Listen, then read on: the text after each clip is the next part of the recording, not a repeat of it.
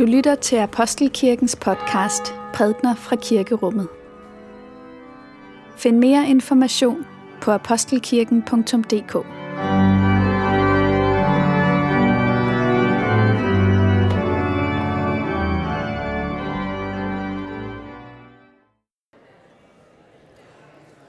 God morgen og velmødt til gudstjeneste på denne 13. søndag efter Trinitatis.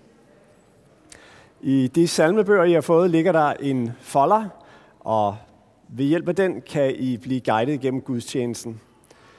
Dagens prædiketekst er øh, den dialog, Jesus har med en skriftklog om, hvordan man arver evigt liv, hvor I han blandt andet fortæller lignelsen om den barmhjertige samaritaner. Og så er det i dag, Vilhelm skal døbes. Men lad os nu først øh, blive stille og samle vores tanker, mens vi lytter til bedeslagene.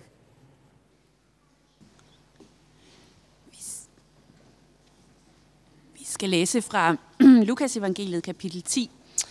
Lad os takke for Guds ord. For Guds ord i skriften, for Guds ord i blandt os, for Guds ord inden i os, takker vi dig, Gud. Så vendte Jesus sig til disciplene og sagde til dem alene. Salige er de øjne, som ser det, I ser. For jeg siger jer, mange profeter og konger har ønsket at se det, I ser, og fik det ikke at se, og at høre det, I hører, og fik det ikke at høre. Der rejste en lovkyndig sig og ville sætte Jesus på prøve og spurgte ham. Mester, hvad skal jeg gøre for at arve evigt liv? Han sagde til ham, hvad står der i loven? Hvad læser du der? Manden svarede, du skal elske Herren, din Gud, af hele dit hjerte, og af hele din sjæl, og af hele din styrke, og af hele dit sind, og din næste som dig selv. Jesus sagde, du har svaret rigtigt. Gør det, så skal du leve. Men han ville retfærdiggøre sig selv og spurgte Jesus, hvem er så min næste? Jesus svarede og sagde, en mand var på vej fra Jerusalem ned til Jericho og faldt i hænderne på røvere. De trak tøjet af ham og slog ham. Så gik de og lod ham ligge halvdød. Tilfældigvis kom en præst den samme vej. Han så manden, men gik forbi. Det samme gjorde en levit, der kom til stedet. Også han så ham og gik forbi. Men en samaritaner, som var på rejse, kom hen til ham, og han fik med liden, øh, medynk med ham, da han så ham. Han gik hen og hældte olie og vin i hans sår og forbandt dem, løftede ham op på sit ridedyr og bragte ham til et herberg og sørgede for ham. Næste dag tog han to denarer frem, gav verden dem og sagde, sørg for ham, og hvad mere du lægger ud, vil jeg betale dig, når jeg kommer tilbage. Hvem af disse tre synes du var en næste for ham, der faldt i røvernes hænder? Den lovkyndige svarede, han som viste, barmhjert, viste ham barmhjertighed. Og Jesus sagde, gå du hen og gør lige så. Lad os bede. Må min munds ord og vores hjerters tanker være dig til behag, o Gud. Amen.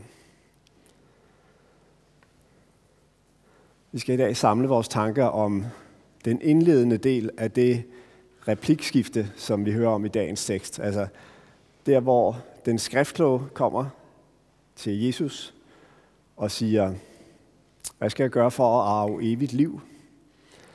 Og Jesus svarede sådan lidt, øh, hvad tænker du selv? Eller kan du ikke læse indenad? Og den lovkyndige svarer så, jamen øh, så tror jeg, at svaret må være, du skal elske Herren din Gud af hele dit hjerte, sjæl, sind, styrke, og de næste som dig selv. Og Jesus siger, ja, det er rigtigt forstået. Så kommer så den anden del, hvor hele spørgsmålet om, hvem, hvem er så min næste? Altså, hvordan får jeg ligesom afgrænse den her kærlighed? Det har jeg talt om en del gange før. Så i dag vil jeg ligesom samle mig om den første del, altså hele tanken om, at øh, øh, evighed og kærlighed er forbundne kar i den kristne øh, vision for menneskelivet. Så lad os starte med at se, om vi ligesom kan få øje på den her lovkyndige person. En lovkyndig, altså en mand, der er, hvad skal man sige, professionel skriftlæser. Han er inde i det gamle testamente, øh, tekster og, og ved, hvad der står. Øhm, og nu kommer han så til Jesus. Og altså, jeg tror, at mange af os har sådan en automatreaktion, at når der står lovkyndige eller fariserer, så, så er mistanken rejst. Altså, dem kan vi ikke helt tage alvorligt. Men lad os nu prøve at gøre det alligevel. Lad os for det første lægge mærke til, at han siger, hvad skal jeg gøre for at arve evigt liv? Det er altså ikke bare, hvad skal man sige, en akademisk øvelse, han er ude i. Det er ikke bare sådan et forsøg på at afklare, hvilken skole af lovtolkning hører du til, Jesus? Nej, han, er, han bringer sig selv i spil. Det er mit, min evighed, der er på spil. Så siger han, øhm, så står der bagefter, at det her sagde han for at stille Jesus på prøve. Der er masser af andre steder i det nye testamente, hvor vi hører om de skriftlov fra isærne, at de stiller en fælde op for Jesus. Det gør ham her ikke. Han vil prøve ham. Og hvad ligger der så i det? Jamen, der ligger vel en forståelse af, at han i virkeligheden ikke er helt klar på, hvem Jesus er og hvilken myndighed han taler med. Der ligger ligesom et, et spørgsmål forud for spørgsmålet om det evige liv, og det spørgsmål er, hvem er du? Og hvorfor skal jeg lytte til det, som du har at sige? Jeg, jeg, jeg prøver dig lige med det her spørgsmål. Men så selve spørgsmålet, hvad skal jeg gøre for at arve evigt liv? Jo mere jeg tænker over det, jo mere synes jeg, det er et forvirret spørgsmål. Altså, at arve har ikke noget at gøre med, hvad man gør. Hvis man arver, ja, så er man heldig. Man, øh, man er i en eller anden arvefølge. Man har de rette forældre, eller en rig enlig onkel, eller hvordan det nu kan være. Men det er jo ikke sådan, at man øh, skal gøre noget for at arve i udgangspunktet. Så det forekommer mig, at, at, at den her øh, lovkyndige mand, når han rejser det her spørgsmål, allerede i hans måde at stille spørgsmålet på, kan en udtryk for en eller anden, hvad skal man sige, uklarhed. Hvad er det egentlig, vi taler om her, når vi taler om evigt liv? Altså, mener han livet efter døden? Ja, så er det jo heller ikke særlig præcis at bruge ordet arve, fordi altså, man, man lever jo selv videre, når man arver. Det er en anden, der er død. Eller mener han i virkeligheden, hvordan kan mit liv her på jorden have karakter af evighed? Hvordan kan det få øh, evighedens skær over sig? Hvad, hvad, hvad ligger der i grunden i hans spørgsmål? Nå, men altså hvis, hvis vi tager hans ord for pålydende og prøver ligesom at komme tæt på og danne os et billede af den øh, lovkyndige, så synes jeg, der begynder at tegne sig et interessant billede. Et billede af det, man kunne kalde et oprigtigt forvirret menneske. Et menneske, som i oprigtighed søger vejledning og søger efter en myndighed, efter et menneske, som kan give den her vejledning. Derfor sætter han Jesus for prøve, men som allerede i hans måde at formulere spørgsmålet på viser, at øhm, han ikke helt er afklaret med, hvad det er, han taler om, så at sige. Nå, i går var jeg til fest, og der var jeg tilfældigvis sammen med øh, præsten for Ungdomskirken i Aarhus. I ved, vi har her på Vesterbro, der har vi U-kirken lige om hjørnet. Øh, inspireret også, tror jeg nok, øh, har de lavet noget tilsvarende i Aarhus, der hedder øh, Ung K. Og, og, og præsten var til stede ved festen, og jeg, jeg fik en snak med hende, hvor øh, hun fortalte noget om sit arbejde som ungdomspræst. Og jeg så stillede hende det her spørgsmål. Hvilke spørgsmål stiller de unge mennesker i dag, når de snakker med præsten? Og så sagde hun, ja, for det første skal du vide, at i udgangspunktet, så stiller de ikke spørgsmål til præsten. Præsten er ligesom ikke på radaren hos de unge mennesker. Fair nok. Så sagde hun for det andet, at når de så stiller spørgsmål, så er det ikke et spørgsmål, der handler om, hvordan verden hænger sammen, men om deres plads i verden. Det er ikke spørgsmålet om, hvad skal man sige, objektiv sandhed men om subjektiv mening. Hvor er min plads? Hvordan giver mit lille liv mening i den her store sammenhæng? Har det overhovedet mening? Har det overhovedet betydning? Og hvad skal jeg gøre for, at det op får den her karakter af virkelig betydningsfuldhed? Nå, da jeg hørte det, så tænkte jeg, jeg, jeg ser lige pludselig en sammenhæng her mellem den her øh, lovkyndige for 2000 år siden, der stiller et spørgsmål i oprigtig forvirring. Og så den her ungdomspræst, der refererer til, hvordan, øh, hvad unge mennesker øh, spørger om og er optaget af i dag. Der er også et element af oprigtighed og forvirring, og et element af at ville prøve, altså at finde en myndighed, ikke bare en objektiv sandhed, men et menneske, som rent faktisk kan være en form for samtalepartner, en, en rejsekammerat på et stykke af den her forvirrede vej igennem verden. Så lige pludselig fremstod denne her lovkyndige som et sympatisk menneske. Et menneske, man kan spejle sig i, også selvom man ikke er, er ung. Og det gør så også noget ved Jesus svar. Altså, hvis man aller kortest tænkeligt skal opsummere den her samtale, så kan man gøre det i to ord. Det første ord er evighed, spørgsmålstegn. Det næste ord er kærlighed, udråbstegn. Altså, hvordan får evigt liv? Du skal elske, siger Jesus. Og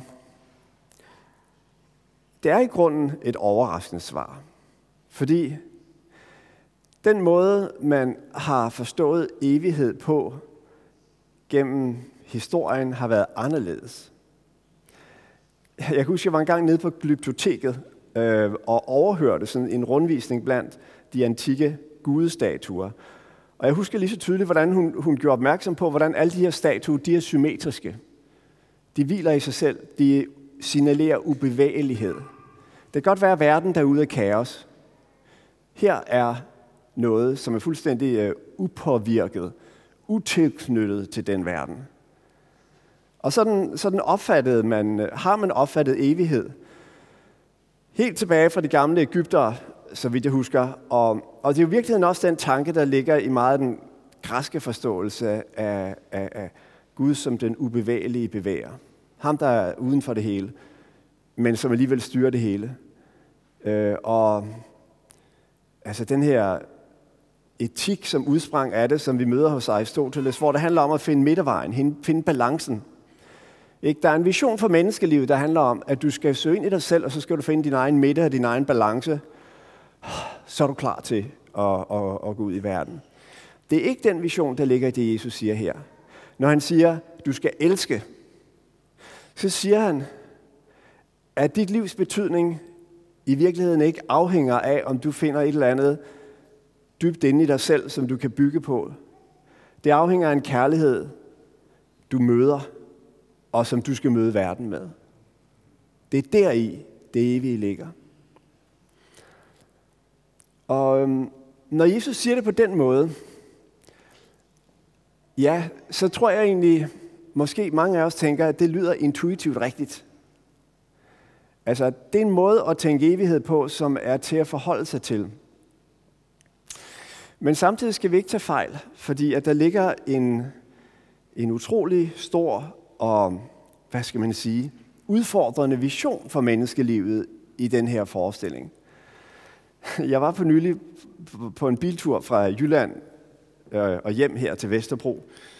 Og øhm, vi var nogle stykker i bilen, og, og mens vi var i Jylland, så kom vi til at tale om lige præcis det her spørgsmål. Hvad ligger der i dobbelte kærlighedsbud? Altså i tanke om, at vi skal elske Gud og vores medmenneske. Og jeg, jeg husker lige så tydeligt, den ene i bilen sagde, jeg synes egentlig, det er intuitivt, og jeg synes, det er et forholdsvis overkommeligt krav, Jesus stiller her. Det er jo sådan, vi prøver at leve alle sammen, er det ikke? Nå, så kørte vi over Fyn, og samtalen udviklede sig, og vi kom lidt i dybden med det her øh, øh, bud. Og da vi så begynder at nærme os København, så siger den anden, den samme fyr, så siger han, det er da helt vildt, at Jesus kræver så meget af os. Ikke? Og det er sådan, det er med det her bud. Altså, I første øjeblik, så tænker man, nå ja, altså, det er jo det er vel sådan, det er. Det er jo, det er jo indlysende rigtigt. Når vi så går tættere på, og begynder at, at, at, at tænke konkret om, hvad, hvad kærligheden kræver, hvad det vil sige at leve i, i kærlighed, ja, så viser den sig at være utrolig radikal. Ja, det er næsten som om, den er budet til livet af os. For der er en masse måder, det her bud kan misforstås på. Jeg vil bare nævne en misforståelse. At vi i stedet for at læse, du skal elske din næste, læser, du skal elskes af din næste. Altså, hvor kravet ligesom bliver et krav om at være et elskeligt menneske. En, som andre kan lide.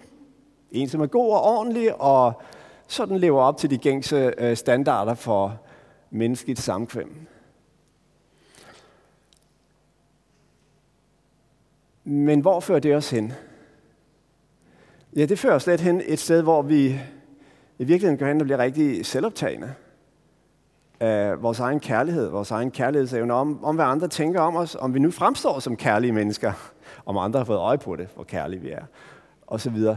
Og lige med et er vi fanget i en form for selvkredsen, selvoptagethed, som er det stik modsatte af at leve i kærlighed. Det er det stik modsatte af, af selvforglemmelse og, og, og overgivelse. Det er en dyb form for selvoptagethed. Der står ikke, at du skal elskes, men at du skal elske. Men det her bud, det kommer i en sammenhæng. Og den sammenhæng er hele den store bibelske fortælling, som Thomas var inde på, da Wilhelm blev døbt for et øjeblik siden. Som handler om Guds kærlighed til os. Altså, som handler om, at Gud er kærlighed. Og det vil sige, at Gud ikke bare er den ubevægede bevæger, der sidder på lang afstand og betragter og dømmer, men at han har kastet sig ind i verden, i kampen for mennesket. At han ønsker et forhold til os mennesker, der er et kærlighedsforhold. Og derfor har han givet sig hen for os, for at øh, drage os ind i det forhold. Det er den historie, som ligesom klinger med i budet om, at du skal elske. Det er, den, det er den historie, der går forud, kan man sige. Det er den, der giver rammen for det hele. Altså, det er ti bud fra det gamle testamente. Det store kærlighedsbud er jo på en måde en sammenfatning af alle budene, og de ti bud. De ti bud forekommer i en tekst, der begynder med at fortælle historien om, hvordan Gud reddede folket ud af, af, af slaveriet i Ægypten. Ikke også? Og så står der, derfor, og så kommer de ti bud. Så på en måde, det, historien starter med, kære venner, I skal vide, I elskede, I udvalgte, og derfor skal I leve i kærlighed og i ordentlighed med hinanden osv. Der er en, en kendt teolog Karl Barth, udtrykte det sådan, lovens tavler ligger gemt i pagtens ark. Altså pagten, Guds kærlighedserklæring til sit folk, går forud. Og, og, og, og hvis vi bare vil tage budet og sige, du skal elske og sige, javel, jeg går i gang, så havner vi før eller siden i selvbeskuelse og selvoptagethed, og at bliver virkelig mere interesseret af, hvad andre tænker om vores kærlighed, end af at give os hen til andre mennesker. Det sættes vi fri af, hvis vi som fortegn har Guds kærlighed. At vi allerede er elskede, som der står på de mange plakater rundt her i bydelen, øh, som sovnet har sat op. Allerede elskede. Og hvis jeg skal sammenligne de to læsninger af budet, hvis jeg skal give et billede til at udtrykke det, så vil jeg sige, forestil dig på sådan en varm sommerdag som i dag, et menneske, som går ind på sit værelse, trækker rullegardinerne ned for solskinnet, tænder det elektriske lys og klager over så dunkel, som det er. Sådan er Guds kærlighed det store lys. Det er det, der lyser til os i hver eneste morgen, vi står op i vores seng og sætter benene mod gulvet og mærker, at de bærer os endnu en dag så er det et udtryk for godhed. Det er et udtryk for en kærlighed, der møder os. Den er der allerede. Den er forudsætningen for det hele.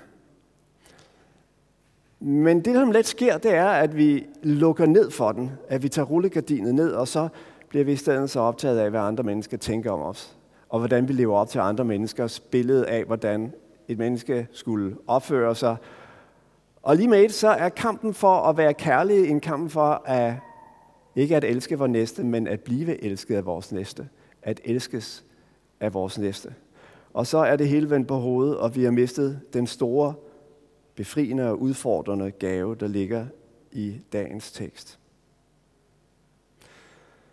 Tror vi, at vi allerede er elskede, at det evige liv ikke er noget, vi skal fortjene, men at det er en gave, som Gud giver os. Så lad os leve vores liv i det lys, i kærlighed til vores næste. Ikke bare de udvalgte mennesker, som vi synes har fortjent det, men dem, netop dem, som det er svære at acceptere og respektere og give plads til. Det er det, som Jesu bud om at elske vores næste som os selv indebærer. Lov og tak og evig ære være dig, vor Gud, Fader, Søn og Helligånd. Du som var og er og bliver en sand treenig Gud, højlovet fra første begyndelse nu og i al evighed. Amen.